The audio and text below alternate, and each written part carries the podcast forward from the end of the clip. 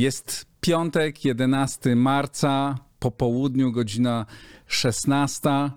16 dzień wojny i spróbujemy podsumować to, co dzieje się na froncie, jaki jest stan po obu stronach. Dzisiaj o tym w układzie otwartym, niezależnym programie, który zależny jest tylko od Państwa, od tego, czy oglądacie, słuchacie i wspieracie. Zapraszam serdecznie do wspierania za pośrednictwem serwisu patronite.pl. Wszystkim patronom bardzo serdecznie dziękuję. Zapraszam na rozmowę.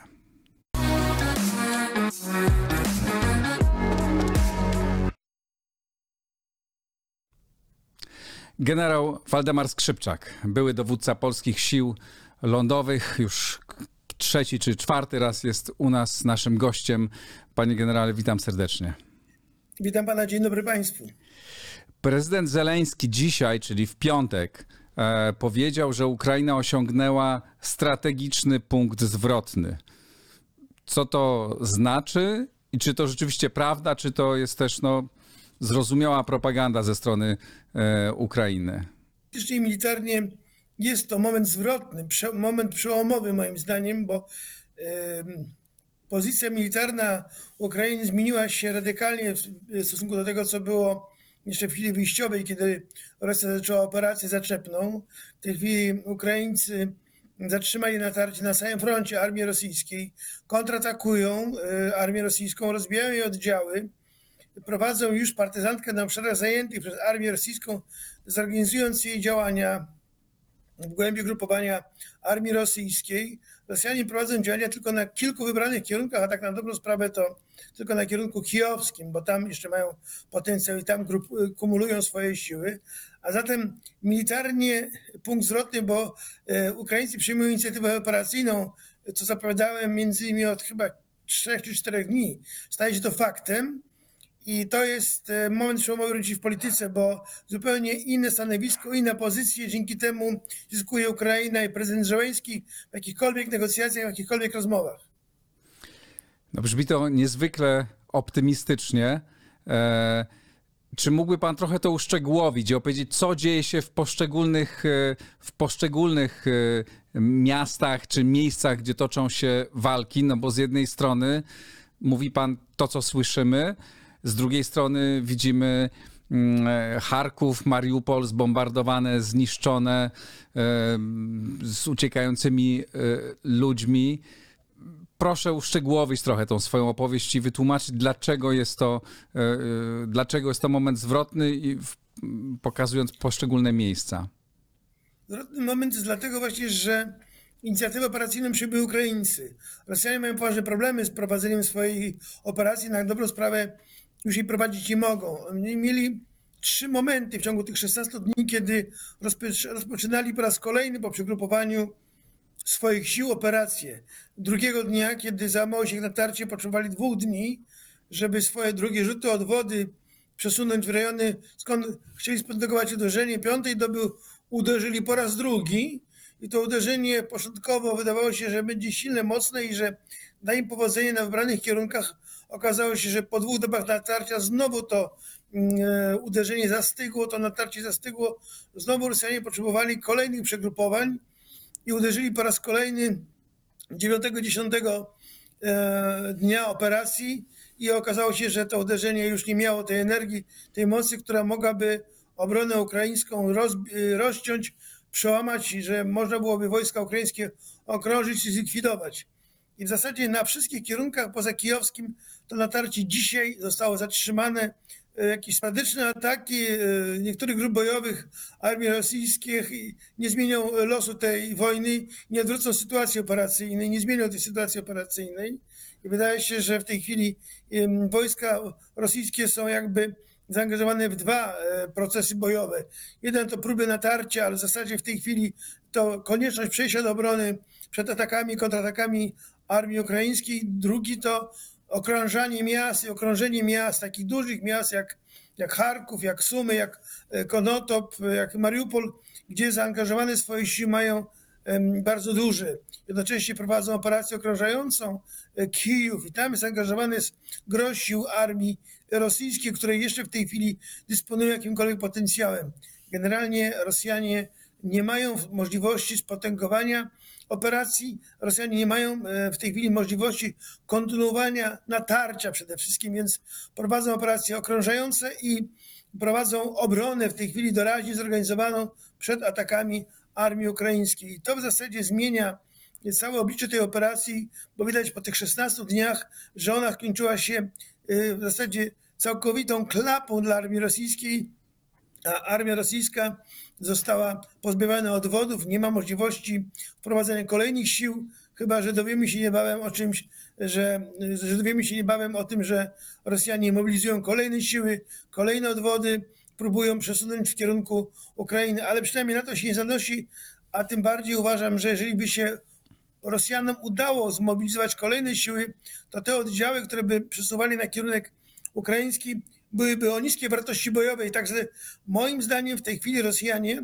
nie mają możliwości zmienienia biegu tej wojny, dlatego też uciekają się do ataków, e, zbrodniczych ataków, ataków ludobójstwa, ataków terrorystycznych na miasta, na ludność cywilną, na aglomeracje miejskie, gdzie niszczą infrastrukturę krytyczną, dającą ludziom możliwości do funkcjonowania, niszczą ujęcia wody, niszczą elektrownie, zagrażają ludności cywilnej, która próbuje się z miast wydostać, atakują w czasie mm, marszu przez korytarze humanitarne, grożą użyciem broni masowego rażenia, zarówno atomowej, biologicznej, jak i chemicznej, co bardziej straszy y, polityków na Zachodzie niż samych Ukraińców, którzy w zasadzie w tej chwili uodpornili się bardzo na te ataki armii rosyjskiej. Ale czy to, to brzmi aż się nie chce wierzyć w to, co pan e, e, mówi. E, oczywiście wie, wierzymy i mamy, i mamy nadzieję, że ta sytuacja się utrzyma, ale czy rzeczywiście Putin nie jest w stanie wprowadzić kolejnych odwodów? Czy nie ma jeszcze, czy nie jest w stanie ściągnąć wojsk, nie wiem, z Dalekiego Wschodu, mówi się o tym, że ma sprowadzić Syryjczyków, 30 tysięcy Syryjczyków gdzieś przeczytałem, e, może ściągnąć do, jeszcze do wojny, czy użycie zarówno bardzo ciężkich środków ataku, jak i mm, jak i ściągnięcie tych dodatkowych, no nie wiem, chociażby Syryjczyków, może jeszcze odwrócić losy tej wojny na korzyść Putina. Znaczy moim zdaniem e, można powiedzieć, że szanse są wyrównane. Obie strony sięgają po y, wojsko, które ma wspomóc ich działania.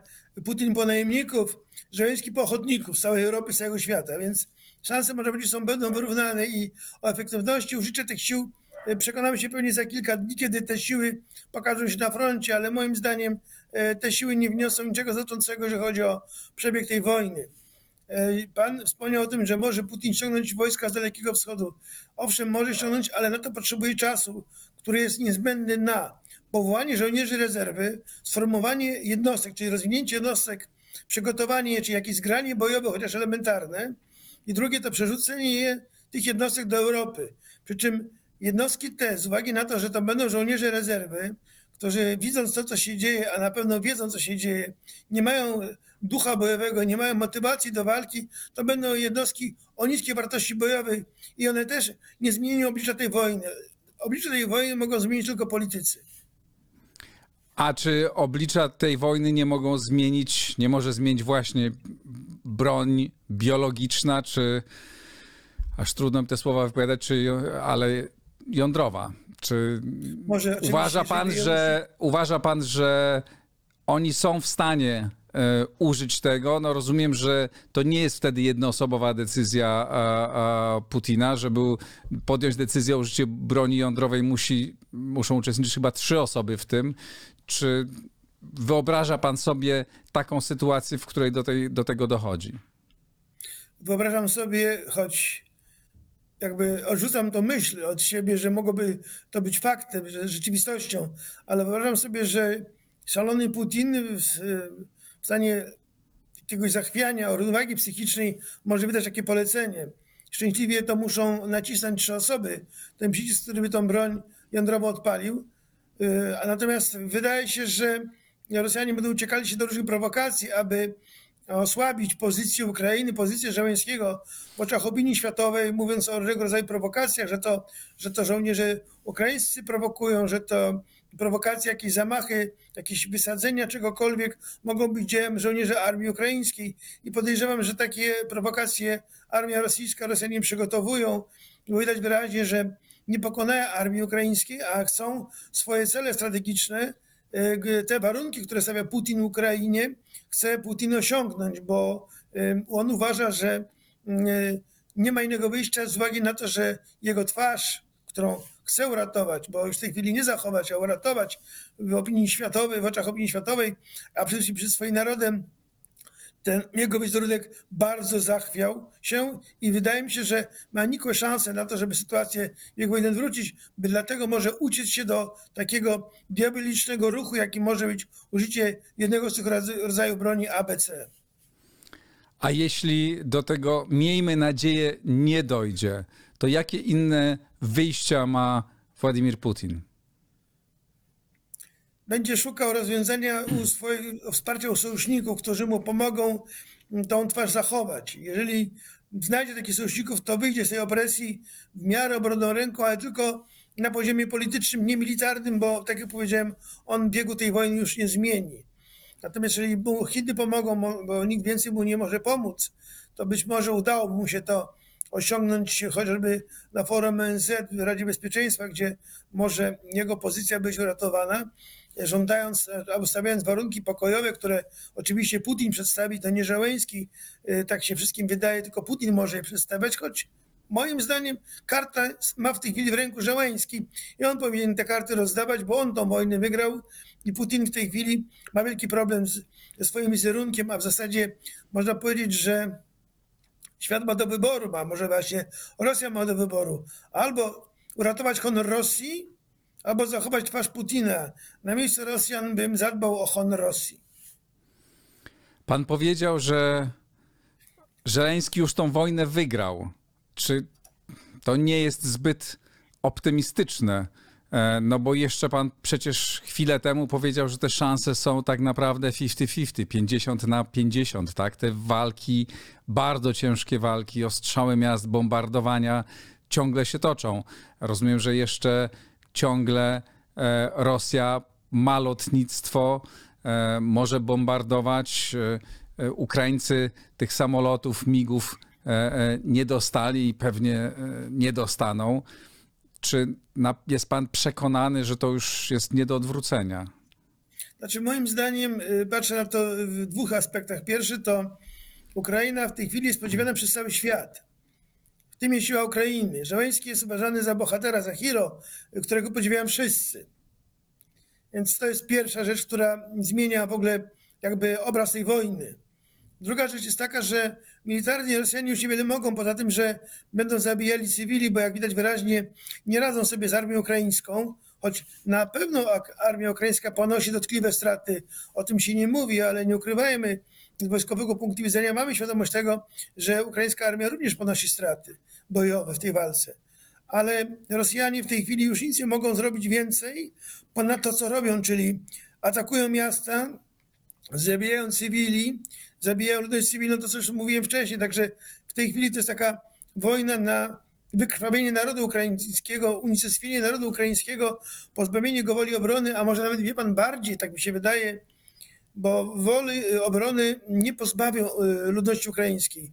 Ja się obawiam czego innego, obawiam się tego, że Rosjanie grają na Żeleńskim i na jego mm, uczuciach może, jego odpowiedzialności za naród ukraiński i być może to Żeleńskiego skłoni do tego, żeby podjąć pertraktację na przynajmniej części warunkach rosyjskich, bo tak, obawiam się tego, że Rosjanie chcą e, tym, co robią, wobec, tym terrorem, jaki stosują wobec narodu ukraińskiego, chcą zmusić Żeleńskiego do tego, żeby Żeleński jednak uległ propozycją tych, tych pertraktacji, tych warunków, które Rosja przedstawia, bo oni w nim widzą tego, który jest jedyną osobą, która może podjąć taką decyzję, która zatrzyma tą wojnę w trosce o naród ukraiński. Ale ja uważam, choć jestem żołnierzem, to i trochę inaczej na to wszystko patrzę, że naród ukraiński poniósł takie straty, że naród ukraiński powinien wytrwać do końca, bo powtarzam, karty są po stronie Żeleńskiego. Czy widzi pan jeszcze, znaczy, czy widzi pan szansę na to, e, żeby Żeleński czy Ukraina nie tylko doprowadziła do sytuacji, w której Putin musi usiąść do stołu i zacząć się jakoś wycofywać, tylko szansę na to, żeby go pokonać, żeby przejść do kontrofensywy i wypchnąć e, wojska radzie, rosyjskie, radzieckie, tak powiedziałem, bo to jak radzieckie, i prawdziwie je upokorzyć. Moim zdaniem kwestią czasu jest, że Ukraińcy tworzą odwody swoje operacyjne i że przejdą do operacji zaczepnej na kilku wybranych kierunkach. Oni w tej chwili już kontratakują i rozbijają wojska rosyjskie bardzo skutecznie. Prowadzą kontrataki grupami batalionowymi, pancerno zmechanizowanymi, przy wsparciu artylerii, swojego lotnictwa, a wszystkim dronów rozbijają grupowania rosyjskie, te najbardziej zdemoralizowane, te najbardziej rozbite, te, które poniosły największe straty, one są w ugrupowaniu, przeszły do pozycji, do, na pozycje obronne. Rosjanie atakują i rozbijają, tym samym pozbawiają zdolności potencjału bojowego armii rosyjskiej i ten proces tej, tej, tych kontrataków, tej destrukcji obrony armii rosyjskiej będzie nieuchronny i będzie postępował cały czas, więc pod, y, ofensywa może nie jest to w rozumieniu jakimś dużym, strategicznym, ale ta ofensywa e, od małych do coraz większych działań będzie rosła. E, jakiej broni obecnie, jakiej, jakiego wsparcia z Zachodu, takiego, który Zachód jest w stanie e, dostarczać, Ukraina dzisiaj najbardziej potrzebuje i czy Zachód w krótkim czasie jest w stanie tego dostarczyć?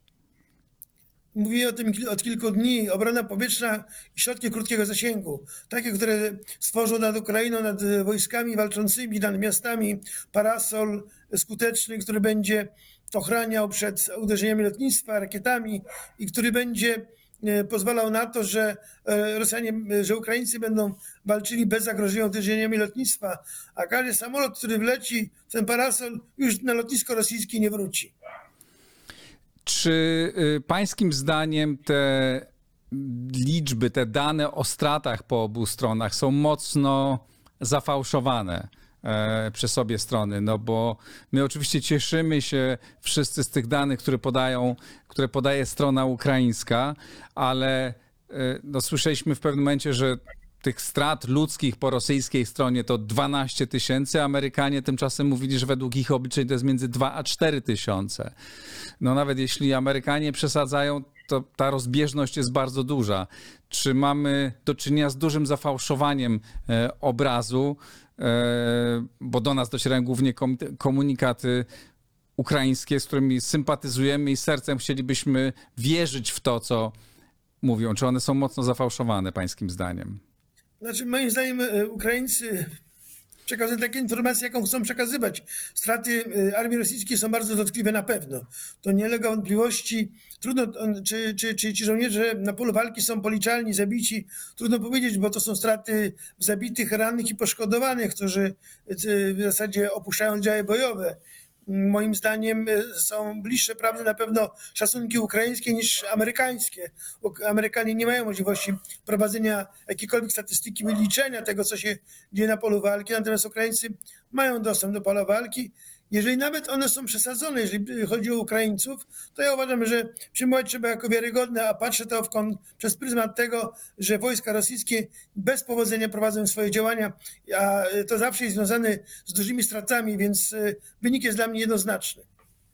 Czy ma pan jakąś wiedzę, czy może pan miał okazję, nie wiem, rozmawiać z e, dowódcami ukraińskimi w ostatnim czasie?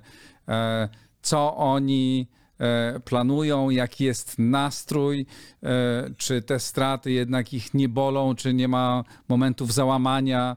E, no bo tak powiem, cały czas wszyscy sercem jesteśmy po jednej, po jednej stronie, bo to jest to oczywiste, ale przecież no też są, wszyscy mają swoje granice wytrzymałości. Czy ma pan jakieś informacje bezpośrednie od ukraińskich wojskowych?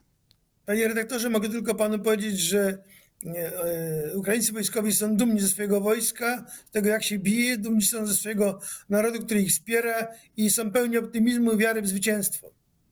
Z tego rozumiem, że pan w każdym razie rozmawiał e, z nimi w ostatnim czasie. Rozmawiamy ze sobą czasami, tak. A czy rozmawiacie panowie, albo czy pan ma na ten jakąś teorię na temat tego, z czego wynika no tak klapa, jak pan powiedział, e, rosyjska. Jak to możliwe, żeby rosyjska armia, w którą zainwestowano tyle pieniędzy, która przeprowadziła tyle ćwiczeń, o której w analizach na całym świecie amerykańskich czytaliśmy, że przeszła głęboką, e, głęboką reformę, że to jest naprawdę groźna armia, a to no, błąd na błędzie błędem pogania. Z czego pańskim zdaniem to wynika? To dla mnie to była zagadka, to co zobaczyłem po drugim dniu operacji, potem po piątym dniu operacji, po dziesiątym dniu operacji, to była dla mnie wielka zagadka, na którą szukałem odpowiedzi, dlaczego jest taki stan faktyczny tej zdolności armii rosyjskiej. Ale te wydarzenia, które były w mediach się pojawiały, te mm, opisy sytuacji, które docierały do nas z rozmów między innymi, świadczą o tym, że wszyscy wierzyliśmy w ten y, mit potężnej armii rosyjskiej, armii doskonale zreformowanej, doskonale wyposażonej, po modernizacji głębokiej, y, świetnie wyszkoleni, jeżeli chodzi o poziom, o poziom dowodzenia i tak dalej. Ta e, operacja pokazuje, że to był tylko mit, który budowała propaganda rosyjska na potrzeby Putina i na potrzeby chyba tych wszystkich, którzy tą armię z dóbr, które miała mieć ta armia, okradali, bo widać wyraźnie, że ta armia jest armią, y, gdzie korupcja budowała jej w cudzysłowie zdolności. Korupcja, która była też pewnie udziałem dowódców rosyjskich, którzy okradali z dóbr swoich żołnierzy, bo widać wyraźnie, że ci żołnierze są mocno, mocno e, zaniedbani, a ten sprzęt wojskowy, który miał być taki doskonały, to może on był tylko taki na defiladach, a kiedy przyszło do działania w polu, ten sprzęt jest mało skuteczny, sprzęt nie do końca przygotowany, sprzęt nie do końca mający pełne wyposażenie, a zatem twierdzę, że że armia rosyjska jest świadectwem tego, jak system państwa, armii też był skorumpowany. To się bardzo, to co pan mówi się bardzo pokrywa z tym, co ja usłyszałem. Podzielę się z panem generałem i z państwem moją rozmową, którą odbyłem z pewną osobą e, mieszkającą i pracującą w Moskwie, e, która, no, nie, nie mogłem tej rozmowy ani nagrać, ani nie mogę powiedzieć, kto to, e, kto to jest, ale to jest ktoś, kto dosyć nieźle orientuje się i powiedział mi, że właśnie że to był system całkowicie, prawdopodobnie, bo tego do końca nie wiemy, e, bardzo skorumpowany, że ci e, kolejni oficerowie na różnych poziomach e, oszukiwali swoich przełożonych po to, żeby no, utrzymać jakąś swoją pozycję i, i, i być może nakraść dużo. I kolejne, te kolejne poziomy dowódcze były oszukiwane no, z tym głównym dowódcą e, Władimirem Putinem, któremu jego najbliższe otoczenie po prostu przedstawiało nieprawdziwy, kompletnie nieprawdziwy obraz sytuacji i on wierzył w to, że to wszystko tak pójdzie sprawnie, e, bo e, takie analizy i takie raporty otrzymywał od swoich e, podwładnych. To się pokrywa z tym, co pan generał mówi. Czy pańskim, zdaniem, czy pańskim zdaniem, jak długo jeszcze te, te, te walki mogą e, potrwać? Moim zdaniem y, potrwają tak długo, dopóki panowie politycy nie, nie, staną, nie siądą do stołu, nie spowodują zawieszenia broni. Prawdą jest, że to politycy wywołują wojny, wojsko się na tej wojnie bije, uprawiając, uprawiając bijatykę między sobą, a i tak potem tą wojnę kończą politycy i tak pewnie też będzie i tym razem. Natomiast e, moim zdaniem tutaj trzeba być bardzo, bardzo ostrożnym i wyważonym, ponieważ nie wolno dopuścić do tego, żeby to Putin był tym rozdającym karty, bo Putina pozycja moim zdaniem jest bardzo, bardzo nadwyrężona, zatem trzeba powodować, żeby y, Ukraina na, tym, na tych negocjacjach nie straciła, bo uważam, że y, Ukraina zasłużyła na to, żebyśmy ją Y, cały świat, cała opinia publiczna mocno wspierali w tym, co Ukraina y, zrobiła, dokonała, obnażając tą, ten mit tego wspaniałego imperium rosyjskiego i trzeba Ukrainie bardzo pomóc, bo Ukraina jest państwem zrujnowanym. Dowodził pan polskim wojskiem, gdyby dzisiaj dowodził pan e, wojskiem, armią ukraińską. E, jakie decyzje pan e, podjął? Jakie działania pańskim zdaniem powinna prowadzić dzisiaj armia ukraińska w tej sytuacji, która jest? Jak widać, panie redaktorze, armia ukraińska ma bardzo dobrych dowódców, sobie świetnie radzą. Trudno ich wyręczać w tym, co robią, bo robią to świetnie. Natomiast na pewno, tak to co panu powiedziałem, że w przypadku, gdy natarcie przeciwnika jest zatrzymane, to wtedy trzeba wstąpić do przeciwdziałania, trzeba wykonać kontrataki takie, które będą systematycznie pozbawiały tą armię zdolności do działania i rozbijać częściami bo nie da się robić jej w jednym czasie całych sił, ale częściami demolować armię rosyjską, wykrwawiać armię rosyjską i ją wyganiać z, z kraju. I miejmy nadzieję, że tak się stanie i że to się uda e, i że e, nie tylko e, prezydent Żeleński doprowadzi do pokoju, ale do całkowitego pokonania e, Władomira Putina. Jak nam pokazali, Ukraińcy są niezwykle bitni, są nie do złamania. Tu na koszulce mam napis unbreakable. Oni są nie do... I tacy właśnie są e, e, e, Ukraińcy. To o, wspaniałe, choć tragiczne. Panie generale, bardzo dziękuję panu za tą Ja dzisiejszą rozmowę i wierzę, że to, co pan mówił, się e, jest prawdziwym obrazem sytuacji, że to pójdzie w tym kierunku. Bardzo panu dziękuję. Bardzo dziękuję. Wszystkiego dobrego. Dziękuję bardzo. I Państwu e, dziękuję. To wszystko e, w tej rozmowie. Zapraszam na kolejne, mam nadzieję, jeszcze bardziej optymistyczne. E, oglądajcie rozmowy Układu Otwartego. Wspierajcie na patronite.pl. Dziękuję bardzo.